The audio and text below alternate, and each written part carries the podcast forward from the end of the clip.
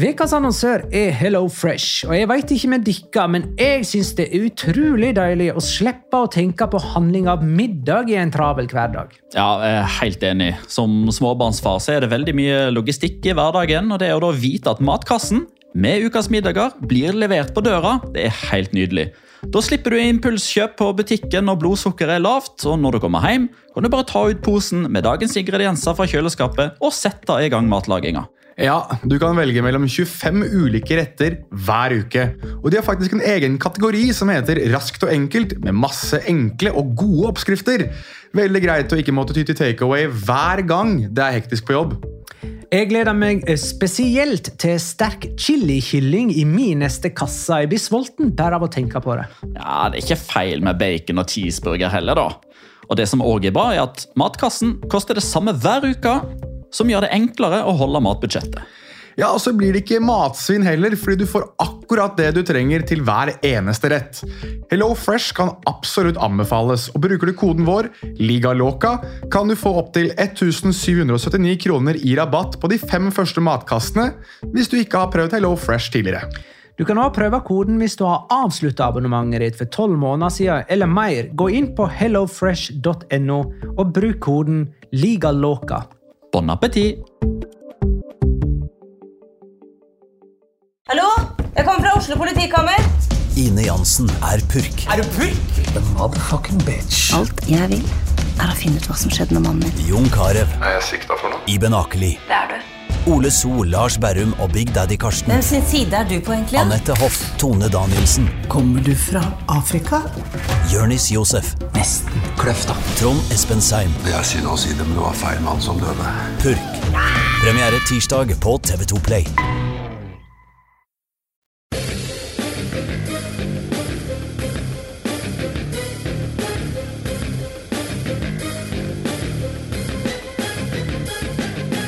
Har du sett? Real Madrid måtte nøye seg med ett poeng mot et Sevilla med ny trener, og dermed kunne Barcelona ta innpå med to veker før El Clásico. Og det gjorde de, ikke pga. Palancas, men pga. gode, gamle La Masia. Mark Gio brukte 34 sekunder på å bli matchvinner. La liga loca. En litt gærnere fotball. Ja, ja, ja, dette er La Liga Loca, episode 267 av det ordinære slaget med Petter Wæland, hei. God dag. Jonas Giæver, hei. Hei, hei, hei, hei, hei, hallo. Og Magnar Kvalvik, hei. Hallo, Magnar. Hei, Magnar. Eh, alle har en plass i Oslo sentrum, ganske nær Akershus festning, der Quisling hadde Der, sin ja. siste time. Nå er vi presise. Dette her er altså klasseåpning. Klasseåpning. Meget bra. Hørte en annen pod tidligere i dag der eh, ble jeg opplyst om, det visste jeg ikke fra før av, at eh, Quisling fant faktisk to av sine kvinner i sitt liv i Kharkiv i Ukraina. Det visste ikke jeg før tidligere i dag. Ja, nei, det var fun fact, det. Ja, nei, men da har vi det- det- Dette, dette er smalltalk-kvota, ja. Ja, og nå er den brukt opp. Takk, takk. I denne episoden Den tiende serierunden av La Liga denne sesongen. Det er faktisk totalt serierunde nummer 3000 i Primera-historien. Det vil si at både Real Madrid, Barcelona og Atletic spilte sin Primera-kamp nummer 3000 denne helga her. De to sistnevnte sågar mot hverandre, mens i serierunde 3001 så møtes jo Real Madrid og Barcelona. Skulle tro det var tilfeldig. Det er det nok også. skulle vel egentlig ikke uh, Tre poeng skiller topp fire etter 3000 serierunder. Eh, Jeg trodde vi var i Spania, ikke i Chile. Hvordan eh, funker det? Nei, du sa Chiler. Han mente at du la mer trykk på i-en, så det hørtes ut som du sa Chile og ikke Chile. Dette hørtes Nei. bedre ut for lytteren enn for deg. Ja, Mhm. nei, jeg sier Chile, og ikke Chile. Ok, men da så. Hvis det er i Chile, så sier de Chile veldig ofte, og ikke Chile. Nei, som det visste jeg ikke. Der vet du det nå. Jeg sier denne setningen en gang til. Tre poeng Chile, topp fire etter 3000 serierunder. Eventuelt etter ti serierunder i sesongen 2023-2024, som fortoner seg sånn. Kan jeg si, en, før du går videre? Betyr det at du og Petter da er Marcelo Salas og Ivan Samorano av La Liga Loca? Ja. Mens- jeg da type er Alexis Sanchez? Ja. Da går vi videre. I denne episoden skal vi snakke om runde nummer ti. Eh, og så har vi Spørre-Petter, Mhm. og så har vi Locora. Mhm. Skal kåre rundens spiller. Eh, og i løpet av denne veka så skal vi også ha en bonusepisode på La Liga Loca, eller patrion.com slash La Liga loka Den summerer sikkert opp Champions League-veka. Og så Veldig bra. tipper jeg at El Clásico blir framsnakka bitte litt. Mulig. I fredag, det. Det gjør det, altså. Høres ut som fredag. Sånn, nå. Osasona Granada 2-0. To mål av Ante Bodimir. Det ene i åpent spill, det andre på en straffe han skaffa sjøl, og dermed er han nominert til rundens spiller av meg. Så kult. Dette var Osasona sin første hjemmeseier for sesongen, og likevel så er de på øvre ba eh, banehalvdel. Tabellhalvdel. Skal du inn på den kampen? Nei. Kan jeg bare få spørre om, Er det andre enn meg som har lagt merke til hver gang altså Målmusikk har jo blitt en veldig stor ting i Spania. Har noen lagt merke til hva som skjer hver gang Osasona scorer? Ja, det var litt irriterende, faktisk. Jeg tror det er Spiker som driver og hyler. Hver gang. Ja, det, det, det er to gjenkjennbare lyder. Det er det etter scoring, og så er det hver gang motstanderens keeper enten har femmeter eller skyter langt ut. Så er det sånn derre Er det det òg, ja? Mm. Det har jeg ikke fått med Fra meg. Spiker eller over Nei, det høyttaler? er, det er nok én person som, En- gjør, Åh. som lager den lyden. Som Hver sitter gang. tilfeldigvis nær en eh, produksjonsmikk. Eller så bare plystrer han jævlig høyt. Da er vi ferdig med den kampen mm -hmm. uh, i denne episoden. Real Sociedad Mallorca 1-0. Eh, Breis Mendes, matchvinner for Real Sociedad, som har fem seire på sine siste seks kamper og er nummer fem på tabellen. De møter Benfica denne veka. La Real. Getafe Real Betis 1-1. Betis tok ledelsen etter 56 sekunder ved Bark, eh, Mark Rocca. Borja Majoral utligna kvarteret senere. Getafe har dermed fire uavgjort på rad. Skal jeg komme med en statistikk som ingen blir overraska over? Eh, Nei, ja. Vet du hvilke lag i eh, Europa som skårer flest mål på hodet, og har gjort det så langt i 2023-2024-sesongen? Eh, ja. Og det er Getafe. mm. Er Til og med Borja Majoral skåra med HV som Getafe-spiller. er liksom det, det er eh, vann er vått, bjørn driter i skauen, og Chetaffe skårer på huet. Skal jeg fylle på? Fyll på. Vet dere hva for et lag som har fått flest kort i de topp fem ligaene? Kan det være Chetaffe, da? Snittet de fem gule kort per spilte kamp? Ja. Kanskje. Ligger de på snittet til 190 kort denne sesongen? Ja. Vil det være ny La Liga-rekord? Ja. Ja. Vil de overta sin egen ligarekord? Ja. ja, med god margin. Ja. Uh, men er vannet egentlig vått? Eller er det som kommer i kontakt med vann, vått? Det er det store spørsmålet. Jeg bare sier nå. Jeg bare, jeg bare sier det nå. Dette er klipp. Dette er klipp! Sevilla Real Madrid 1-1. Real Madrid skåra begge målene i denne kampen. Alaba sendte Sevilla i ledelsen med et sjølmål. Carvahall utligna med en heading av alle ting etter dødball. Celta Vigo Atletico Madrid 0-3. Celta-keeper Ivan Villar lagde straffe og ble utvist i det 25. minutt. Grismann skåra på straffen og putta ytterligere to i andre omgang. Las Palmas Rayo Vallecano 0-1. BB matchvinner for Rayo med straffespark på overtid. Rayo, som vi fremdeles regner med rykker ned til slutt, er på åttendeplass. Girona Almeria 5-2. Girona lå under 0-2 og snudde til 3-2 før pause, og så så de seg aldri tilbake. De er på delt førsteplass plass med Real Madrid nå. Mm. Villarreal Alaves 1-1. Alaves leder etter mål av Samu, mens Villarreal utligna på straffe etter en hens som var marginalt på 16-meterstreken. Barcelona Athletic Klubb 1-0. 17 år gamle Mark Gio ble matchvinner med sin skåring etter 34 sekunder som La Liga-spiller. Ingen spiller har noen gang brukt mindre tid på å skåre sitt første mål i Barcelona-drakt. Valencia Cádiz eh, er ikke godt mens vi sitter her. Den har avspark mandag kveld klokka 21, og nå er det mandag ettermiddag klokka 17.15.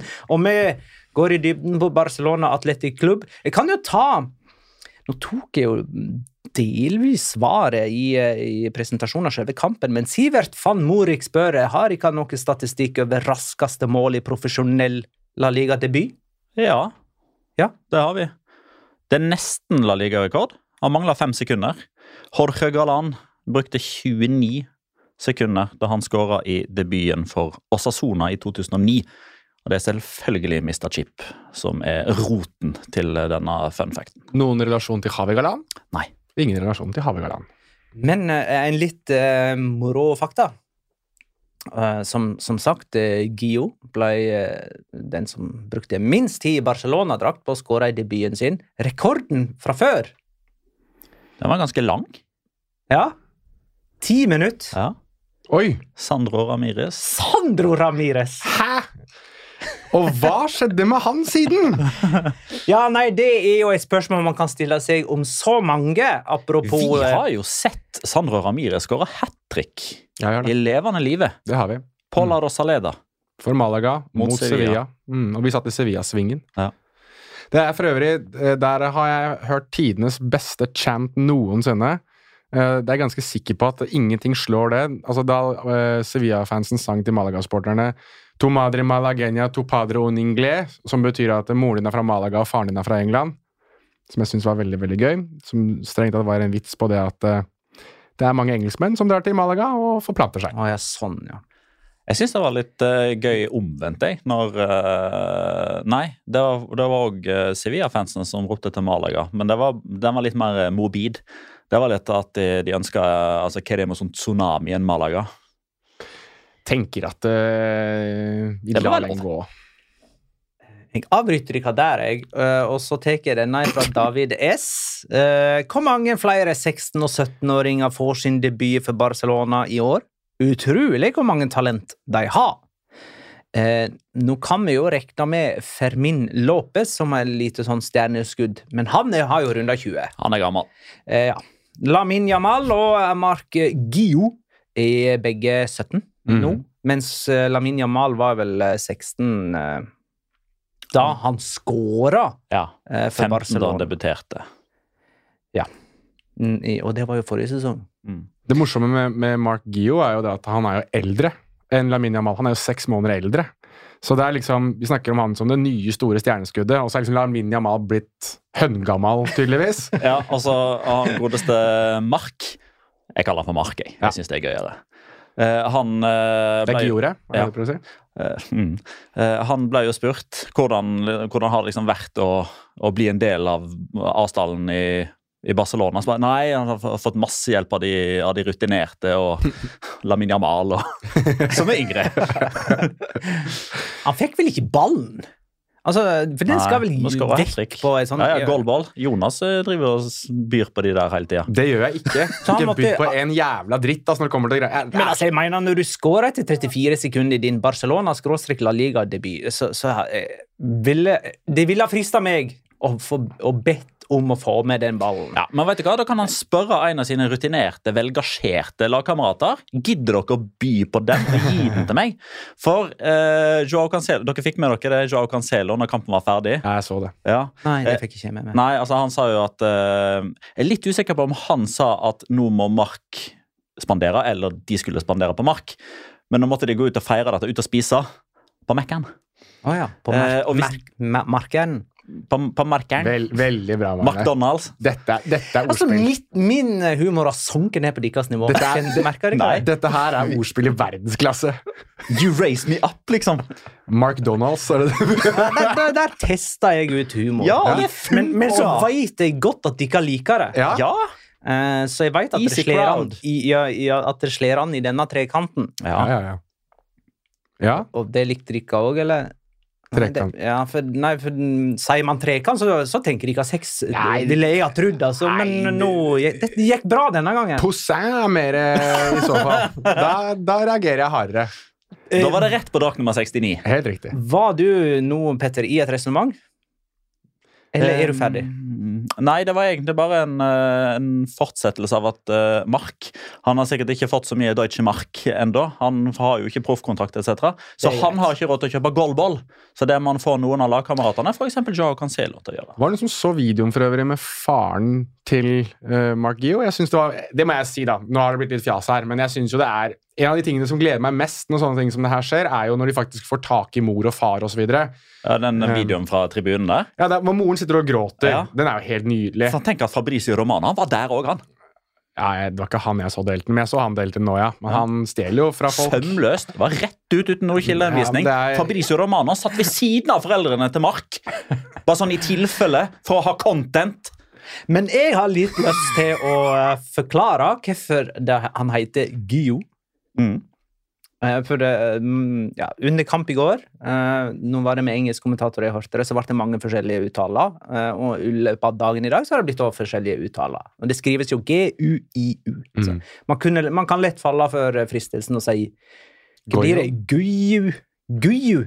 Um, Goyo? Eller Goyo. Uh, for UM blir jo gjerne O på spansk. da. Men skal jeg bare ta en kort forklaring? Ja.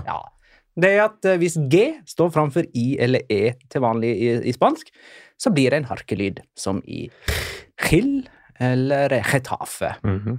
Hvis spanjolene likevel altså vil at G-en skal stå framfor en I uten den harkelyden, så setter en U imellom og Mhm. gjør den stum, som i Miguel og Guillermo. Det er altså ikke Miguel eller Guillermo. Det blir en stum U, og sånn er det her òg. En stum, enkel Som Veldig bra. kan bare se vekk ifra. Veldig bra. Kan jeg komme med en liten sånn eh, hake til det du sier? Du er helt riktig. Men også til de som husker Dani Guisa, som spilte for eh, Aguero. og Aguero.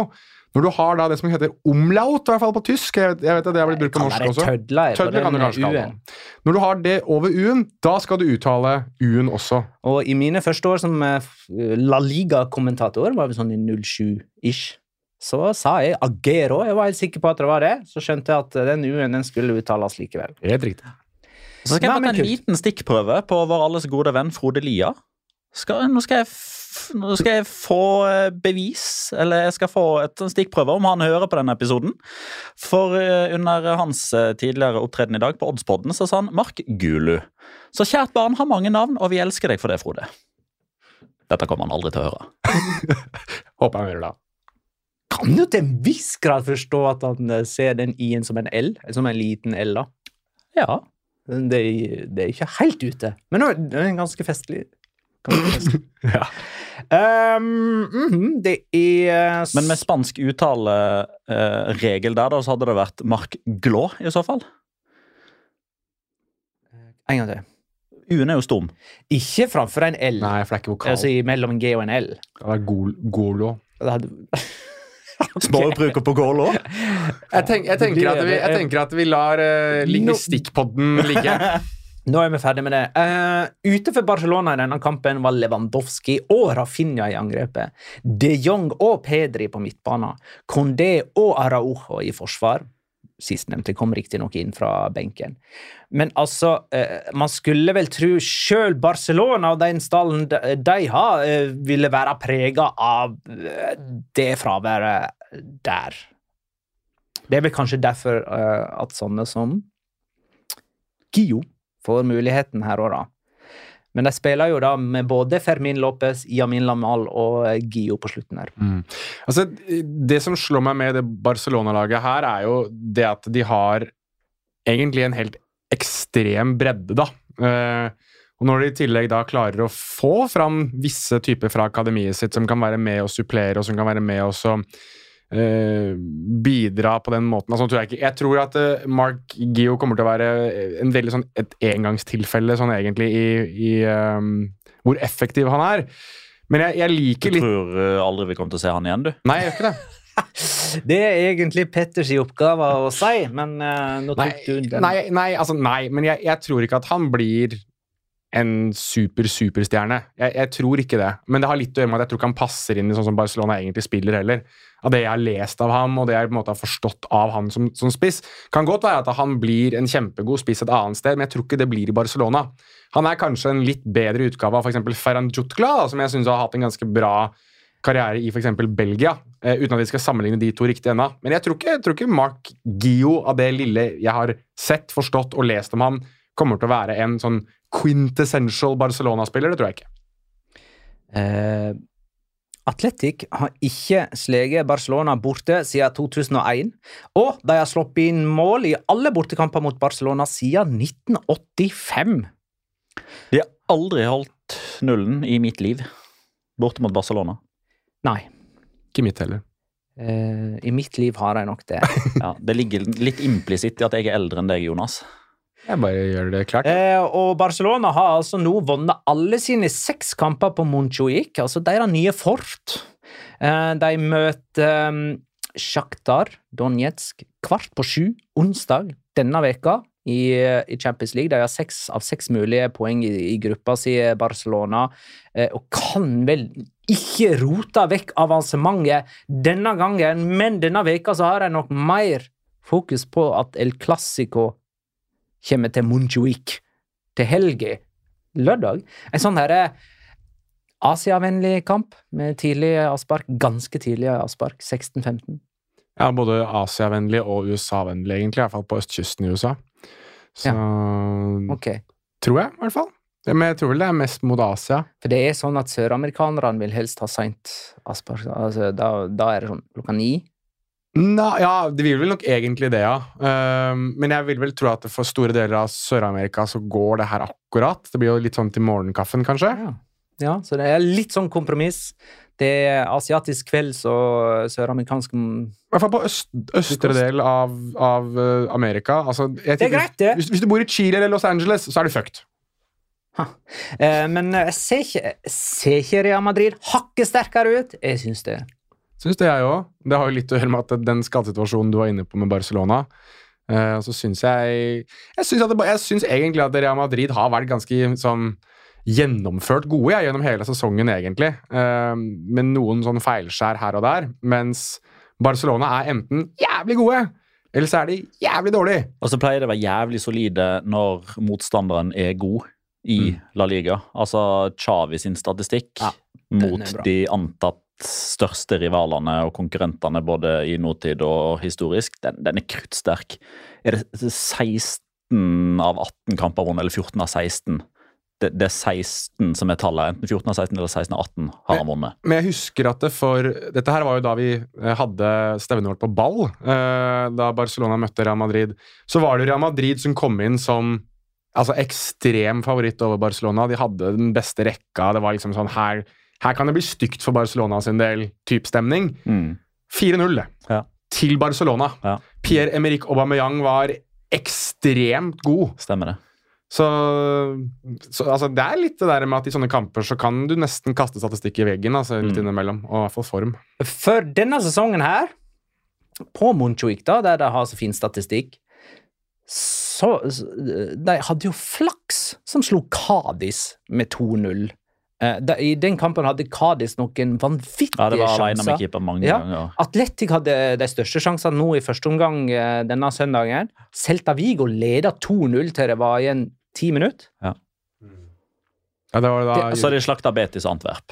ja, altså, Ja. Det var den kampen, den Zelda-kampen hvor uh, Playa satt med huet i hendene det, etterpå. Ja. Han var så nedbrutt. Mm. Han skåra jo et av de to Han gjorde det. Celta-målet. Eh, Men så har jo altså, da, som dere er inne på, eh, Barcelona en tendens til å heve nivået sitt når det, jo bedre motstand de får, og det er altså Real Madrid som eh, venter eh, på lørdag, etter at Real Madrid spilte 1-1 på Ramón Sánchez Pijuan. Um, eh, Nyland måtte liksom bite i det sure eplet her med den headingen til Carvahall. Han var ganske heldig som ikke fikk en tidlig baklengs på si kappa òg. Ja, den er, den er rar. Den er veldig rar, syns jeg. Det, er, Ja, det er vel en feilberegning. Han tror at han skal nå ballen først, og så kommer Bellingham imellom. Men han er i offside. Ja, det, det, Så- eh, Real Madrid tar ledelsen, eller Det skåra, etter tre minutter. Er. Hadde det det? Ja, ja da. Det hadde det. Ja. Jeg fikk en liten sånn Sergio Herrera-følelse av det, hele den situasjonen. For der mener jeg Nyland har en tabbe, og så slipper han uten konsekvenser. Og sånn har Sergio Herrera i Osasuna-målet. Det er på i fem år nå. Og så hadde han en sånn Sergio Herrera-hyllest litt seinere i kampen òg, når Venicius ville få ballen tilbake igjen. Ja, den, den var fin. Jeg tror Jan Nyland hører på La Liga Loca jeg, og har latt seg inspirere av Sergio Herrera. Er det kanskje greit å bare si at vi har nylig intervjuet Ørjan Nyland, og for de som ønsker å høre det, så er det faktisk tilgjengelig gratis nå for alle og enhver, så ta gjerne en lytt på den episoden. Men han virka jo helt uanfekta av den glippen i Ja. starten. Altså, Det er ikke noe god start i en viktig uh, kamp mot en uh, stor klubb, liksom.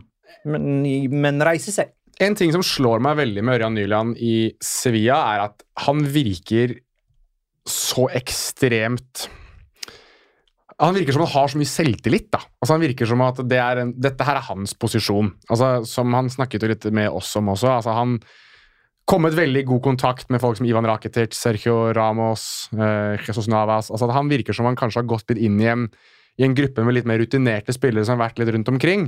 Og jeg synes det er veldig tydelig i den kampen at han tar ganske mye ansvar òg, da. Eh, og, at han begynner å lære seg veldig hva det er eh, eller hva det vil si å være keeper i La Liga. Altså, vi, vi kan godt kødde og fjase og liksom hylle denne kynismen hans når han blir dyttet av Venicius Junior og faller på rumpa, uten at han egentlig trenger det. Men det vitner jo om at han skjønner litt grann hva det er han bedriver. da. Altså at Hvilken liga han er i, og, hvilke knapper han må trykke på akkurat der for å prøve å få den største stjernen til Real Madrid vippet av pinnen. Eh, og Det er den fine varianten av dette. Altså sånn, så kan vi godt gå inn på det som skjer etterpå, for det skjer jo masse som ikke Nyland har noen ting med å gjøre, men på den tribunen der så er vi jo igjen i gang fra Sevilla-supporterne. Skal skal du snakke rasisme nå? Jeg syns, jeg syns at det, det blir litt dumt at vi har en podkast her hvor vi ikke nevner at det er en ny person som Sevilla var kjapt ute med å utestenge fra Ramón Sánchez Pijuan. Ja, for det at uh, Venicius Junior la jo ut et bilde av han uh, på Ja. X. Twitter? Ja, det, mm, X-Twitter. Eh, eh, det, ja, og det er jo ganske tydelig hva han Sevilla-supporteren driver på med. Ja, ja altså det, Eh, og det er jo eh, for så vidt den kampanjen som Venicius nesten sjøl driver. Eh, liksom, han eh, viser fram hva som skjer, Mm. eh, og tvinger i grunn da klubber som Sevilla å ta affære. Men her tok Sevilla affære før det. Å ja, okay. Kjempekjapt. Se, altså, kampen var knapt ferdig spilt før han var banna for livstid. Ja, veldig Kjempebra. Men, synes, men det er jo også en video her som viser et barn som står og holder på. Og det, jeg syns det er verdt å nevne at um, jeg, jeg har sagt at jeg tror ikke Spania som nasjon, slik jeg kjenner den, har et rasismeproblem. Men jeg tror spansk fotball har et rasismeproblem. Når du har et barn som kan stå og holde på sånn i 4, 5, 6, 7, 8, 9, 10, 11 sekunder uten at det er én kjeft på den tribunen som tar tak i nakken og sier at sånn gjør du ikke. Jo, men, ja, men at en unge kan i det hele tatt ikke finne på sånt, det, det, det ligger ikke i vår natur. Så dette er han opplært til. Ja, Det er nok et også et godt poeng, ja. Så det, det er mer av- Men jeg, men jeg syns i hvert fall at det, det at du nå har videoer som viser disse menneskene, og at de, de pekes ut, og at det gjøres et poeng ut av, det er en samfunnsendring i seg selv. Altså, da, da skjønner man at det her er noe i emning. Mm. Og det mener jeg at Venicius Junior ene og alene burde være stolt over og ta kreditt for, for det er det han som har fått til. Veldig bra! Vi må snakke litt om eh, Sevilla under Diego Alonso, da. Jeg syns du skal snakke litt om Sergio Ramos i den kampen her òg. Eh, nå tar vi Sevilla under Diego Alonso. Ok, greit. da. Eh, spør du meg. Altså, ikke mye tid han hadde å jobbe med, med sitt eh, nye lag, sine nye spillere. Det var vel sånn at Ørjan Nyland reiste hjem igjen, eh, eller altså reiste tilbake til Spania etter landskamp i Oslo med Spania Ja. for å komme eh, For at Sevilla ville samle troppene så fort som mulig under deres nye trener Diego Alonso. Spør meg, første 20 minutter en enorm strekk i det Sevilla-laget. Eh, mellomrommet mellom eh, midtbane og, og, og, og forsvaret er det største jeg har sett i år. Ja. Eh, og der er altså en Bellingham eh, for Real Madrid, da. Mm. Men, men det tok så Men sånn, ja, to, totalt sett så syns jeg de definitivt lander på beina. At dette her var en fresh start. Og jeg syns det var, det var befriende å endelig se et Sevilla-mannskap på hjemmebane mot en av de store, og så setter de tenner til. Og skal liksom ta, De er ikke fornøyd med 1-1. Her skal de fram, de skal ta kastene tidlig. De engasjerer. Mm. Hvis, det der, hvis dette her hadde vært Mendelibar, så hadde det vært sånn Nei, nei, nei, nei. Nå, nå må vi ta det med ro. Husk, det er et kvarter igjen. Vi har 1-1. Rolig, gutter. Rolig. Mens her er det sånn Vet du hva? Målet er der. Vi skal den veien. Vi skal ta kastene tidlig. Vi skal sette premissene. Det er vi som skal dominere. Det er vi som setter standarden. Her må Real Madrid agere, ikke rea eller reagere, ikke agere. Og det likte jeg. Det likte jeg veldig godt. Så løper de mye. Altså Det var jo en ting jeg la merke til. De presset høyt. Altså De forsøkte å ta Real Madrid inne på egen banehalvdel, og så falt de ikke av. Det er derfor disse strekkene kommer, da. Men de faller ikke av med en gang, for det gjorde de alltid under Mendelibar, og så lå de og forsvarte seg i ramma. Men så Nå var jeg litt yngre i midtbanen òg. De spilte ikke med alle disse her 38-åringene denne gangen. Nei, altså To overraskelser var det jo i elveren. Eller for så vidt, det var én overraskelse i elveren, men det var to overraskende ting. Det var overraskende at Somaré plutselig bare gikk rett inn. Mm. For han hadde ikke fått all verdens tillit uh, av Mendeliba. Og så var det litt overraskende at den som da måtte vike av var det. Og at Godel da ble uh, para opp med Sergio Damos, som var peak Sergio Damos i den kampen. der. Det eneste som mangla, var at han ble matchvinner. Og det var faen ikke langt unna. Ingen av de siste møtene mellom eh, Sevilla og Real Madrid har enda målløst. Uh, Sevilla har ikke sleget Real Madrid på fem år. Det begynner å bli ei stund. Uh, Viktor Hallnes skriver kraftpakken Rudiger og Ramos bør vel nevnes etter lørdagens oppgjør. Det er veldig gøy, da.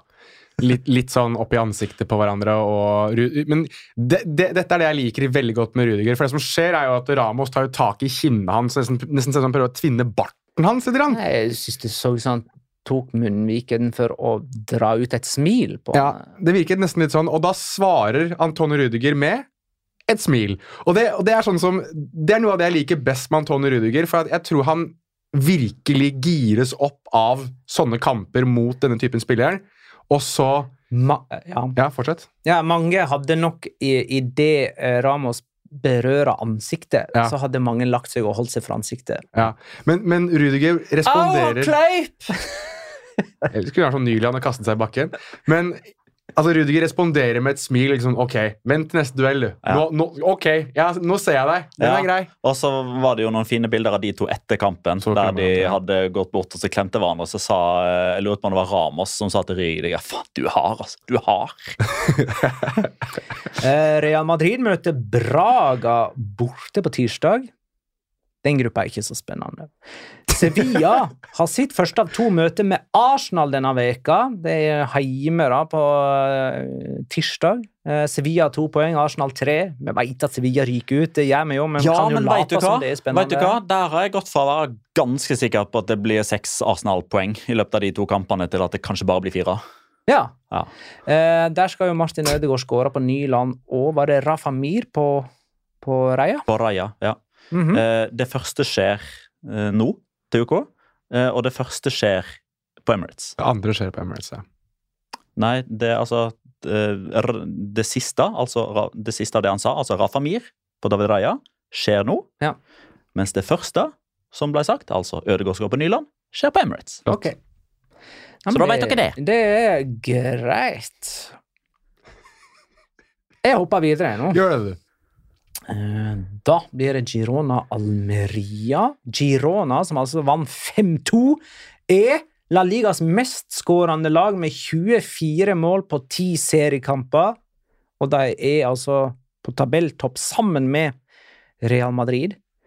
Eh, Almeria er jo det laget med flest baklengs. da, 29 baklengs på eh, sesongens første ti seriekamper. Det har ikke skjedd noen klubber siden 1960-tallet. Det var Elche. Jeg er ikke sjokkert at Elche holder den rekorden der. Kan jeg komme med en statistikk? Ja. Mm -hmm. Dette er Squawka som uh, har kommet med, og jeg syns det var veldig, veldig en, en kul statistikk. Altså, Girona er- har jo da, som du var inne på, skåret 24 seriemål så langt denne sesongen. Eh, Real Madrid har skåret 21, Liverpool har skåret 20, Napoli har skåret 20, PSG har skåret 20, Manchester City har skåret 19, og Arsenal har skåret 18. Altså Det er ikke et lag i Europa som skårer mer enn Girona. Og det er jo for så vidt Dette er gøy nok i seg selv, men visste du at Girona med sine 24 mål har like mange mål i ligaen som Chelseas 13 og Manchester Uniteds 11 til sammen. Det er veldig gøy, men jeg må arrestere Hva var det du kalte det for? Skåkva? Skvakka. Mm. Skvakka. Mm. De glemte å nevne Bayern München, Å, jeg gjorde det. som har 26. Da og Stuttgart, det som har 25, og Bayer Leverkosen, som har 25. men jeg, de nevner, men jeg tror at tysk fotball får ikke lov til å være med i det greiene. Nei, for de har ikke samme runde, rundeopplegget. Er det Nei. åtte runder de har spilt? Og så har ikke de like mange kamper. De har enda færre kamper, så Ja. det er jo prestasjonen er jo enda større. Jo, Nei, jeg vil ikke jo si. men det, uh, de har færre mål. Å nei, Færre mål nei, på færre runder. De har skåra flere mål på færre runder. Og ja, det var 24, ja. På Ja. Girona. Ja, da, nei, da My Ikke point ødelegg nå. eh, still not stands. Greit. Men husk det at vi, var, vi ble enige om at Tyskland ikke eksisterte etter 45. Takk for det. Men da, da er vi ferdig med det. Uh, du har en rundenspillernominasjon fra denne kampen, du, Jonas. Jeg har det. Nå eh, var jo det selvfølgelig veldig typisk at jeg kom til å velge han. Jeg burde egentlig valgt en annen Girona-spiller. Så jeg, jeg står ved at Artem Dovbik, skal være min rundens spiller med sine to skåringer og to på tre minutter. Faen for en uh, ukrainsk uh, målmaskin han viser seg å være. Han er bygd som en jævla tungvektsbokser, og han skyter hardere enn hester sparker. Fy faen, Du det er jo som å trenger ikke å banne meg nå. det er som å se Ivan Drago i fotball! Så eh, Dere så denne på La Liga TV, eller? Ja da, Ja, Det var Graham Hunter som var sidekommentator hos dere òg. det var det. Ja. Eh, Vet du hva? Han sier så mye at jeg får ikke med Han meg halvparten. sier så mye Ja. kappe som snur etter vind. At i løpet av de første 35 minuttene der, så var han kun kritisk til Arten Dovbyk. Han bevegde seg ikke riktig, han har ikke selvtillit, han får det ikke til. Og så skårer han, og da sier han ja, han skåra mål, men det var jo en dårlig avslutning, da. Og så setter han inn toeren som en enkeltmannsprestasjon, og da begynner han igjen sånn And as I said, this is what happens when a striker gets his confidence. Altså, Altså, øh, så du har altså Skriv, Graham, skriv!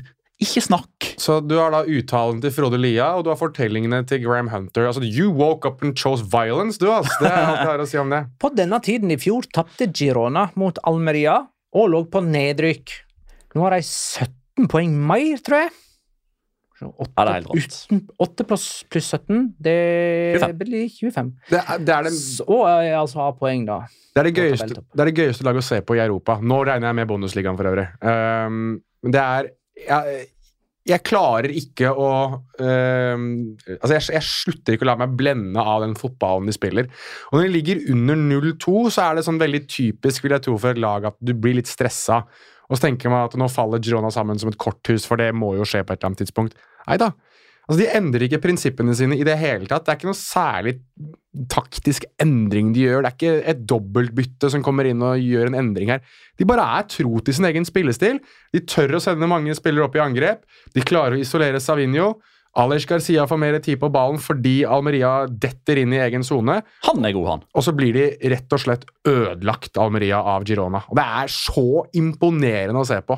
Ørjan skriver Savinho spiller vel ikke i Girona etter La, eller La, La, i La Liga neste sesong. Nei, han spiller i City. Manchester City.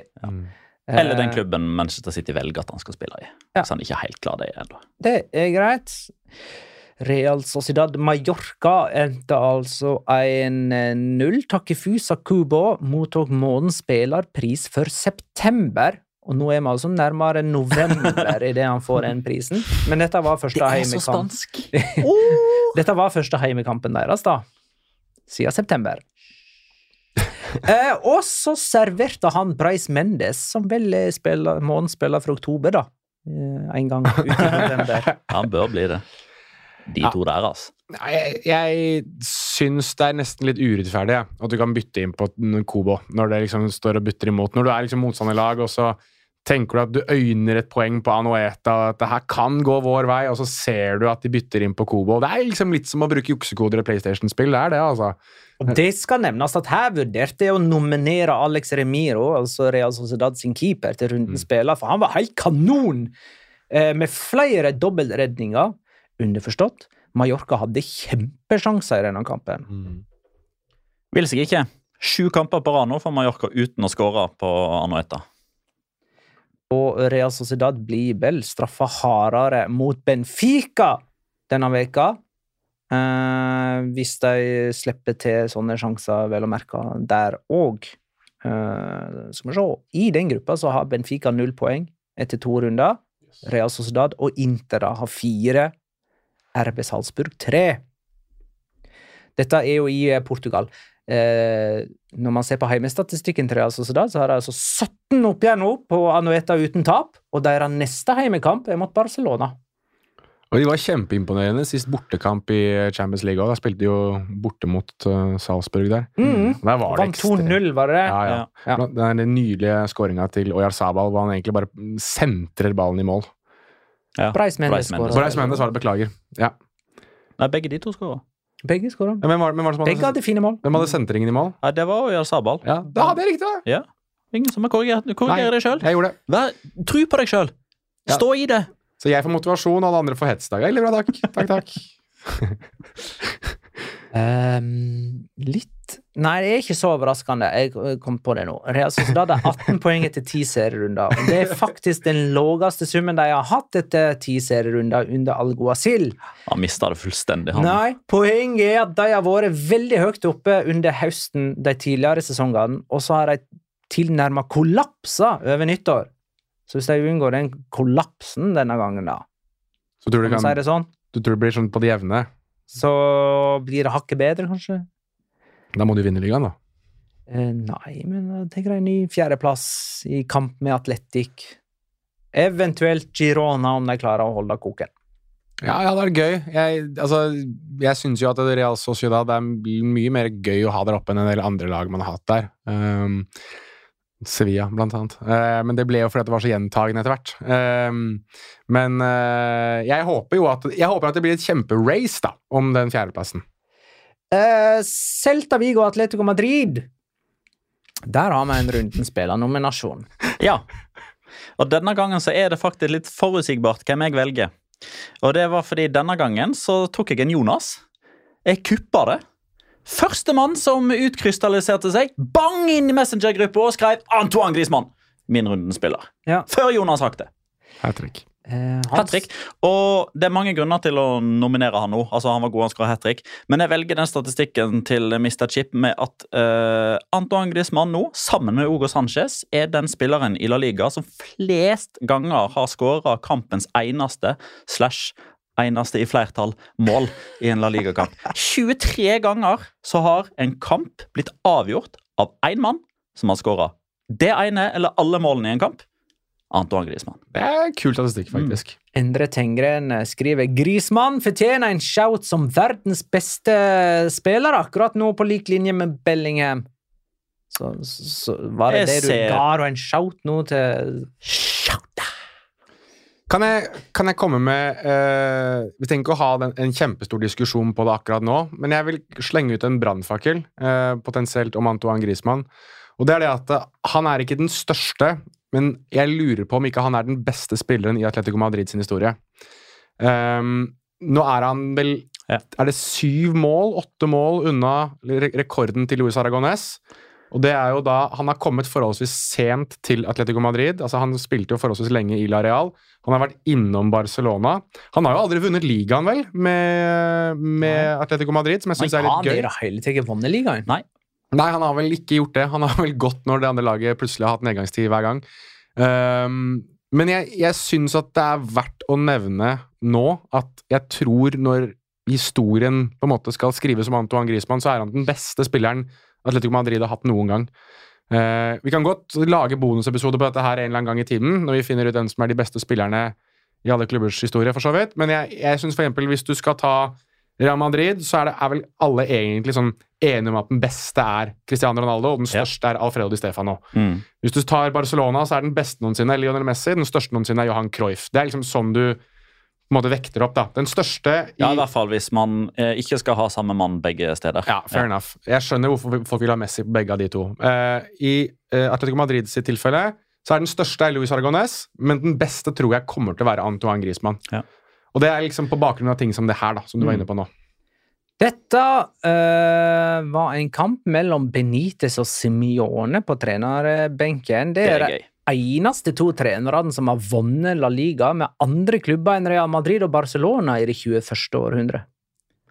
Oi, ja. And how one of them has fallen.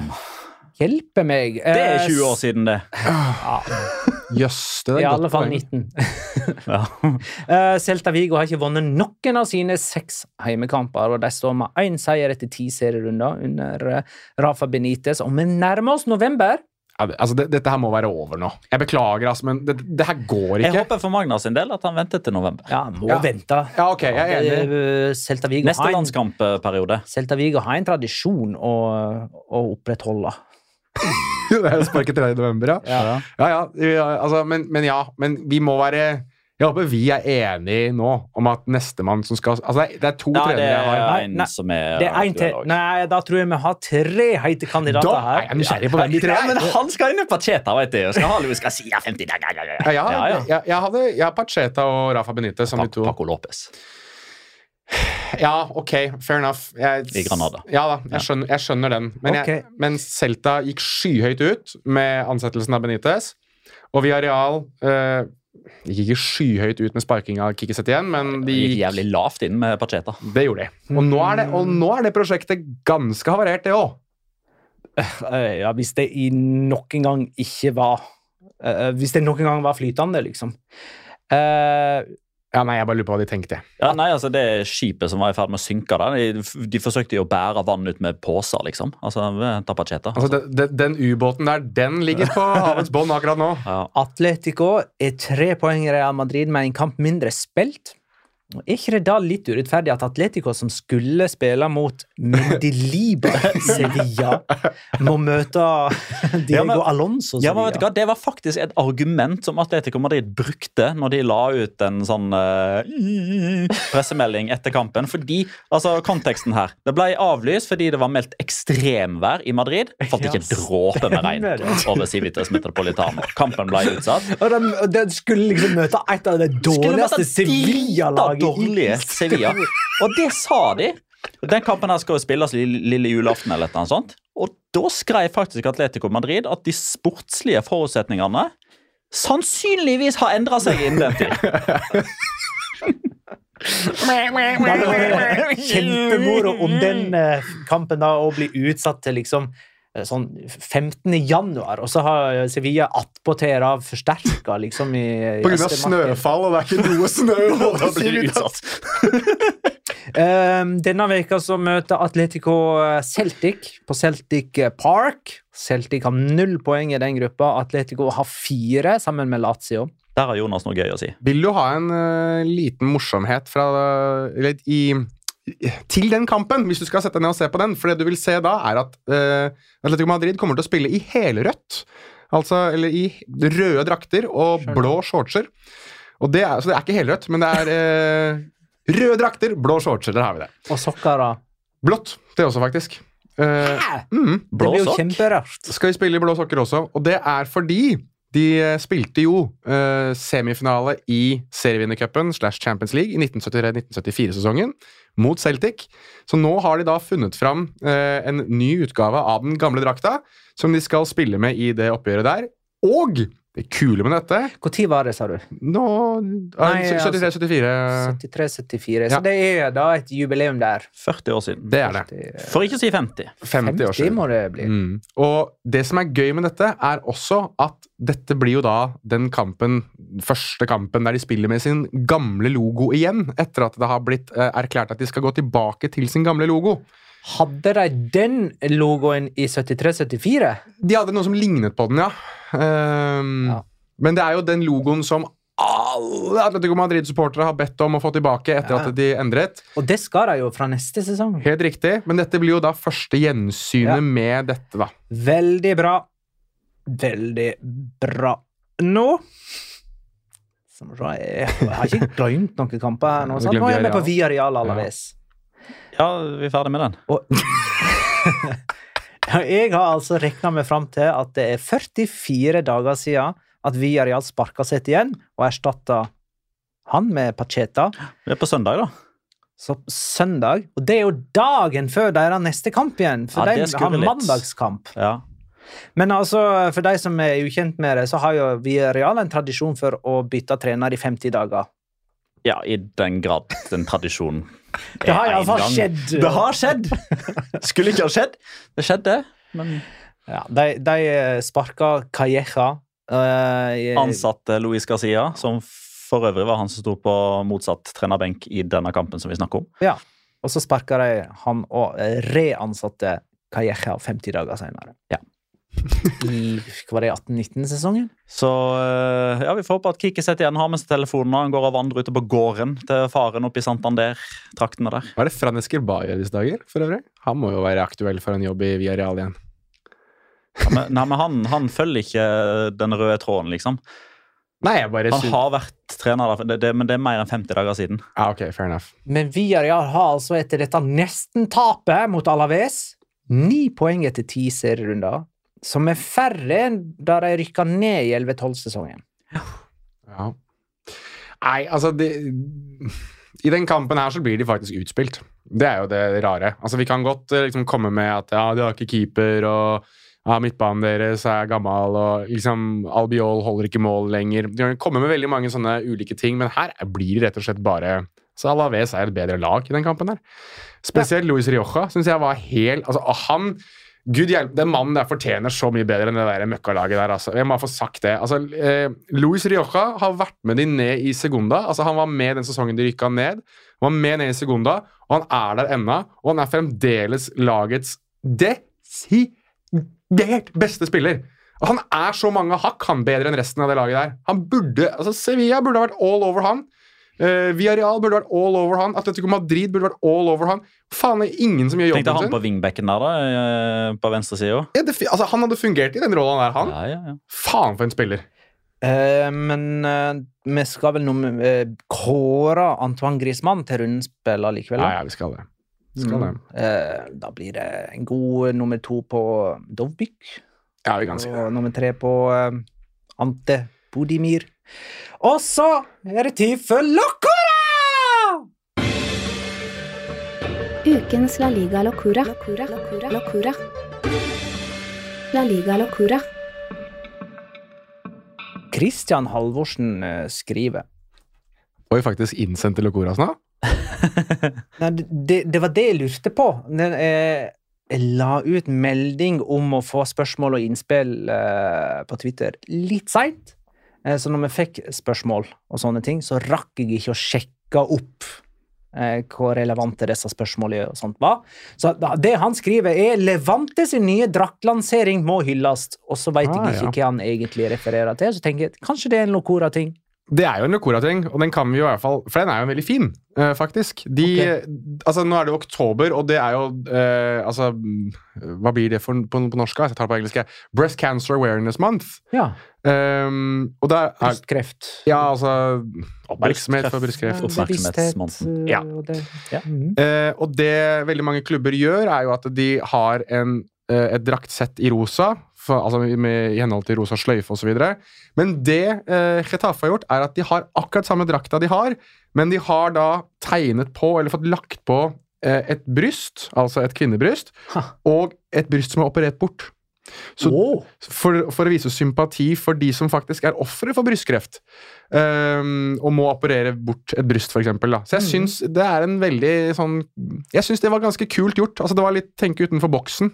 Istedenfor liksom skulle endre hele draktsettet sitt, så gjorde de det bare på den måten der. Ja, og så vet vi jo at uh, det å tenke utenfor boksen ikke nødvendigvis er gode tanker, men uh, i dette tilfellet var det Her var Ja, det veldig bra. Ja, men altså, Spanske klubber har en tradisjon for å markere akkurat uh, den dagen. her. Så de er veldig glad i, i det å markere sånt med noe visuelt. Jeg husker det var ganske vanlig Det er vel kanskje vanlig òg nå, selv om det ikke har skjedd foreløpig denne sesongen. Men enten når det er sånn brystkreft eh, eller morsdag, eller noe sånt, så spiller de ofte med mødrene sine etternavn bak på Mhm. drakta. Er. Sånn som at eksempel José Maria Jiménez han spiller med De Vargas i stedet, og så blir kommentatorene skikkelig lurt underveis og lurer på hvem dette her er, og så finner de ut hva som er greia. Det er òg litt funny. Greit, men uh, hvis vi skal ta hver vår uh, lokora, så begynner jeg kan godt begynne nå. Eh, det går til dommer i Osasona Granada. Han heter Busquets Ferrer. Ja. Syns det er litt morsomt når han har to sånne tidligere Sergio og Albert. Ja. Um, og han er ganske fersk i Primera Divisjon. Er det hans første sesong? Det er hans første sesong, ja. Ja. Mhm. Eh, og han eh, har et eh, nonsjalant uh, VAR-tegn som jeg veldig, har blitt veldig glad i.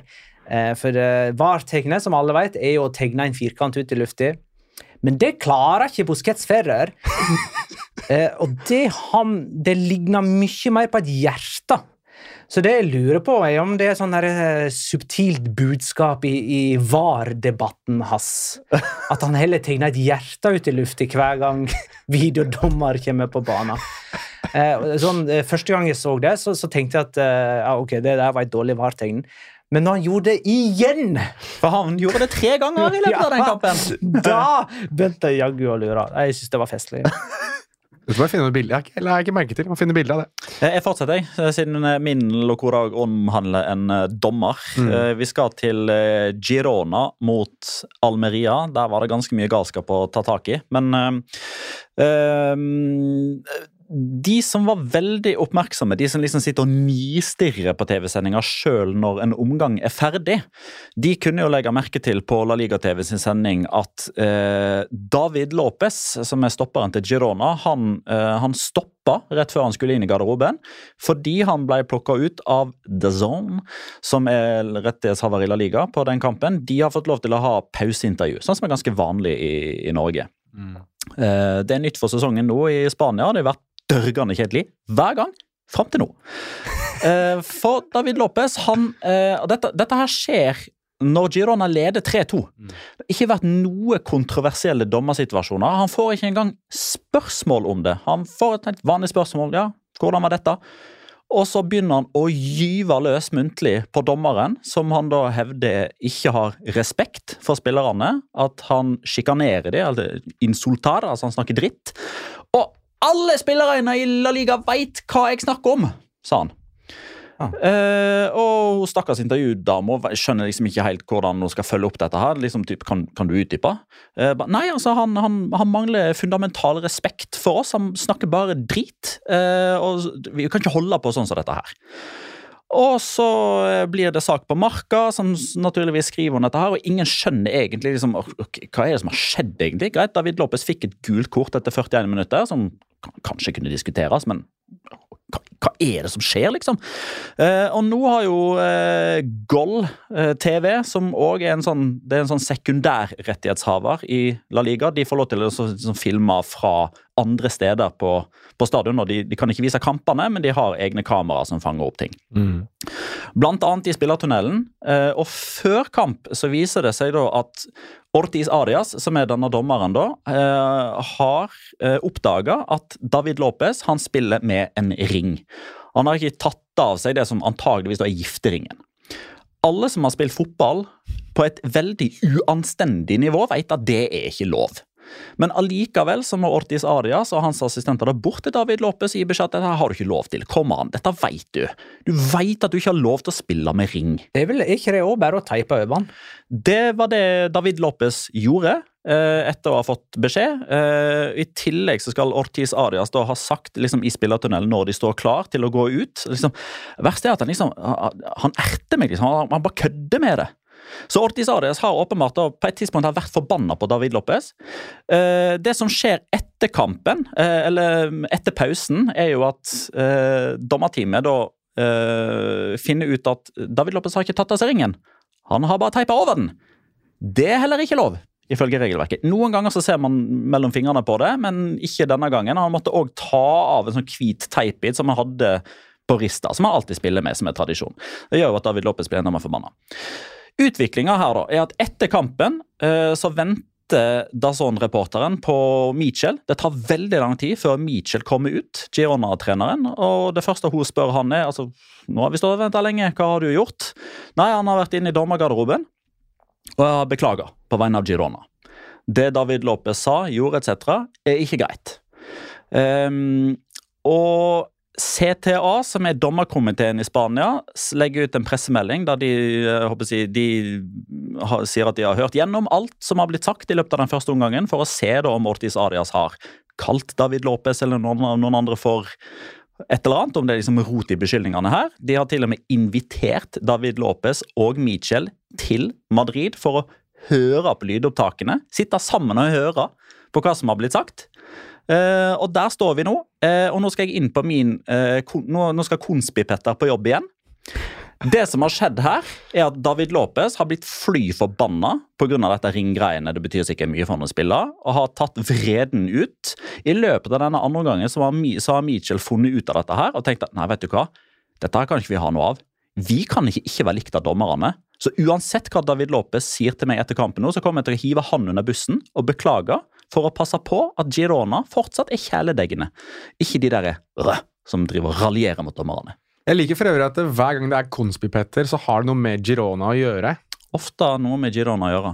Så Petter mener at eh, det foregår lumske ting på Montelivi. Din lokore Locora, da, Jonas? Du, Petter tok så mye tid av den greia her, så jeg skal prøve å være litt kjapp. Veldig Eh, jeg eh, er jo veldig glad i fotballdrakter, alle vet det.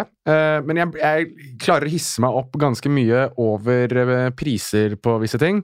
Og jeg syns det er egentlig ganske tafatt av Barcelona som eh, De har jo dette samarbeidet med Spotify. Eh, og de, før hver El så bytter de jo gjerne ut Spotify-logoen sin med da logoen til en artist som er da branded av Spotify. Og denne gangen her så skal de da ha Rolling Stones sin legendariske logo på drakta si. Altså denne munnen med den tunga som stikker ut, som alle har sett tusenvis av ganger. Vil dere prøve å gjette hvor mye de skal ha for en av disse draktene her? Altså bare en vanlig Barcelona-drakt? 195 euro. Nei, det er faktisk eh, Det er det Real Madrid skal ha for sine drakter. Men Barcelona har altså da 280. Nei, høyere. 340. Du skal litt opp. 400. Du skal ned én eh, eurosent, holdt jeg på å si. Så tre- 399. Helt riktig. Så de skal ha altså 400 euro for en fotballdrakt som da har logoen til Rolling Stones på seg.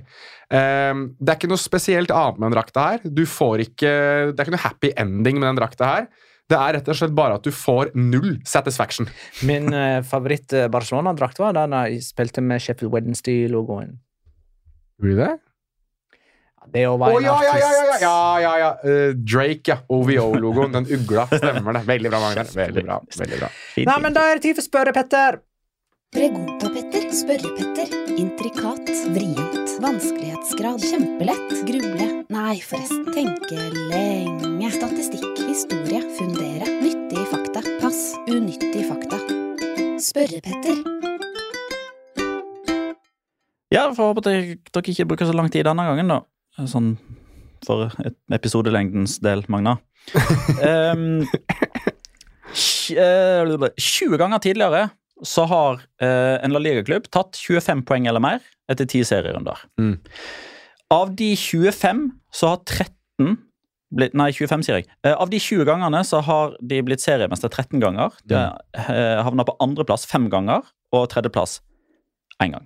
Du, der hadde Jeg jeg vil- 25 poeng. Ikke heng deg opp i det. Poenget er at det stinker Champions League av Girona. Ja. Det er poenget mitt. Og spørsmålet mitt er Dere skal rangere etter antall kamper spilt i Champions League, inkludert playoff, for spanske klubber. Antall spanske klubber som har spilt i Champions League, inkludert playoff, rangert etter antall kamper. Uh, oi.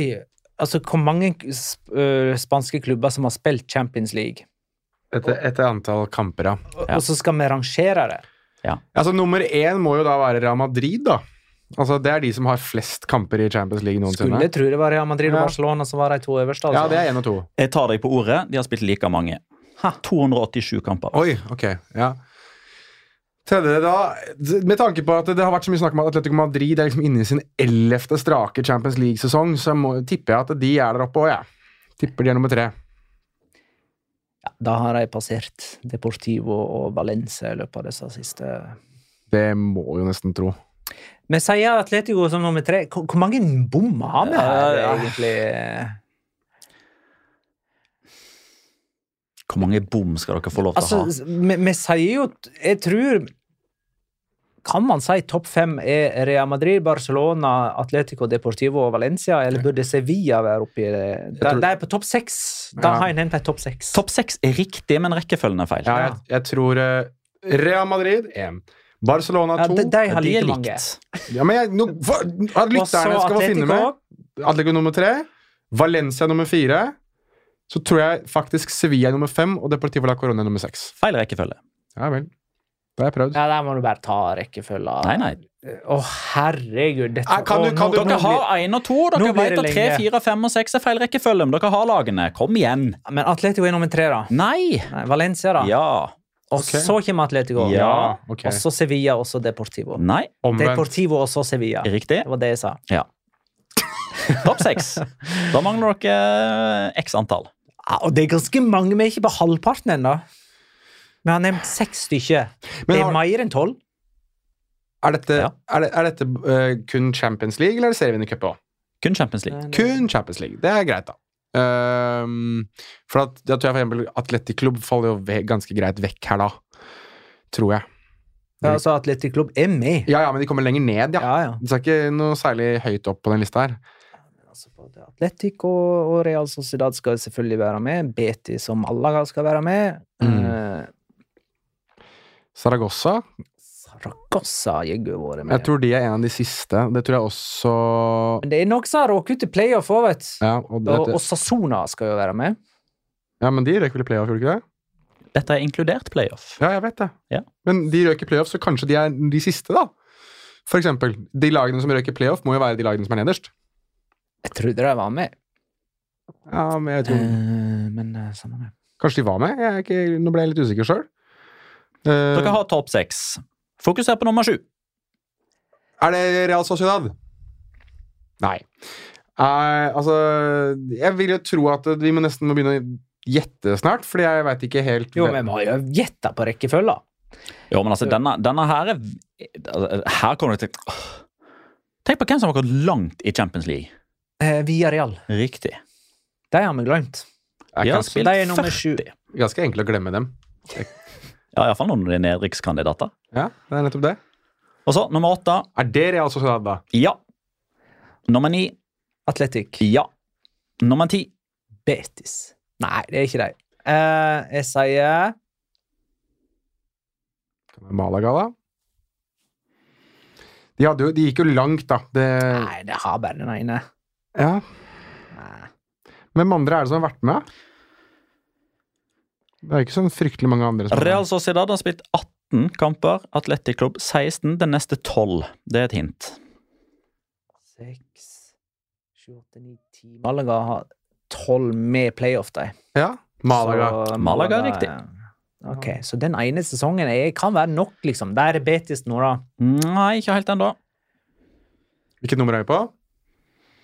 Nå har dere 7, 8, 9, 10. Nå er det 11.-plassen. Eh, Den er delt mellom ett lag som har vært med én gang, og et lag som har vært med to ganger.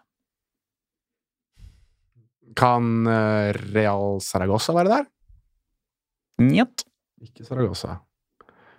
Um, vært med to et, et lag som bare har vært med én gang. Kan det være? Ikke Sevik, åpenbart. Bare gå igjennom de spanske, de spanske regionene. Eh, I nord så har vi vel tatt alle Celta Vigo. Ja. Celta Vigo. Det er riktig. De var med i 2003-2004. Det, ja, altså det er det laget som har kun med én gang. Så er det et lag som har vært med to ganger, da, som sikkert har røket i en playoff og kanskje vært med, men røket tidlig. For eksempel. Ja, men det kommer jo ikke nå, da. Jo, det er to lag som har likt. Det er likt. to lag som har spilt ti kamper hver.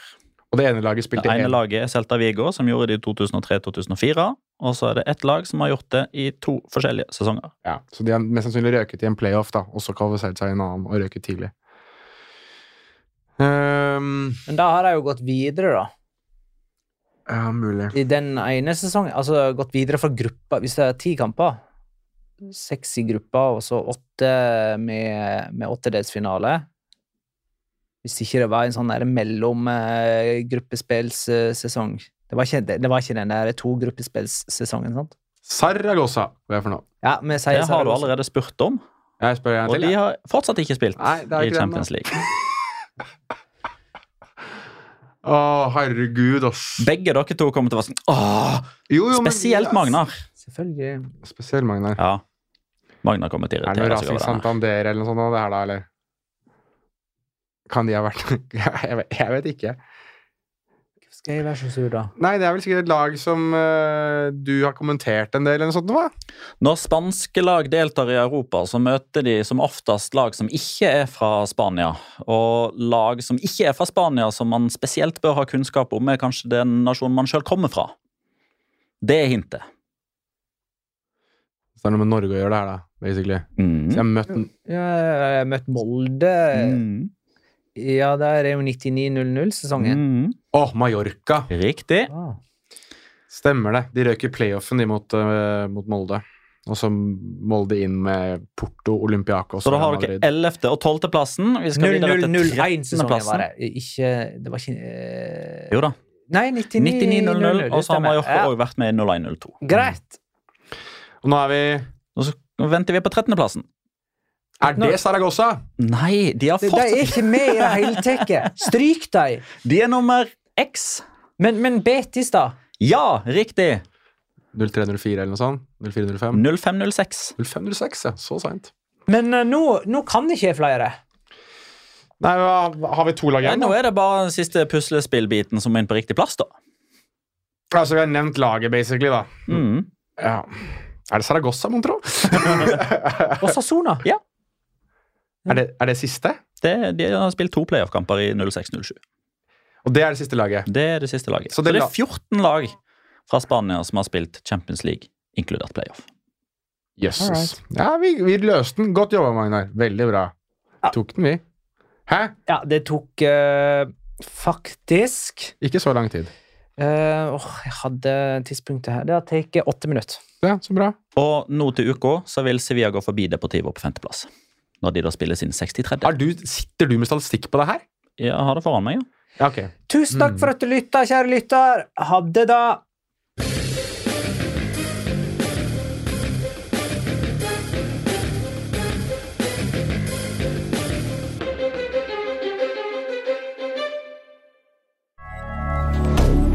Moderne media. Har du et enkeltpersonforetak eller en liten bedrift? Da er du sikkert lei av å høre meg snakke om hvor enkelt det er med kvitteringer og bilag i fiken, så vi eh, gir oss her, vi. Fordi vi liker enkelt. Fiken superenkelt regnskap.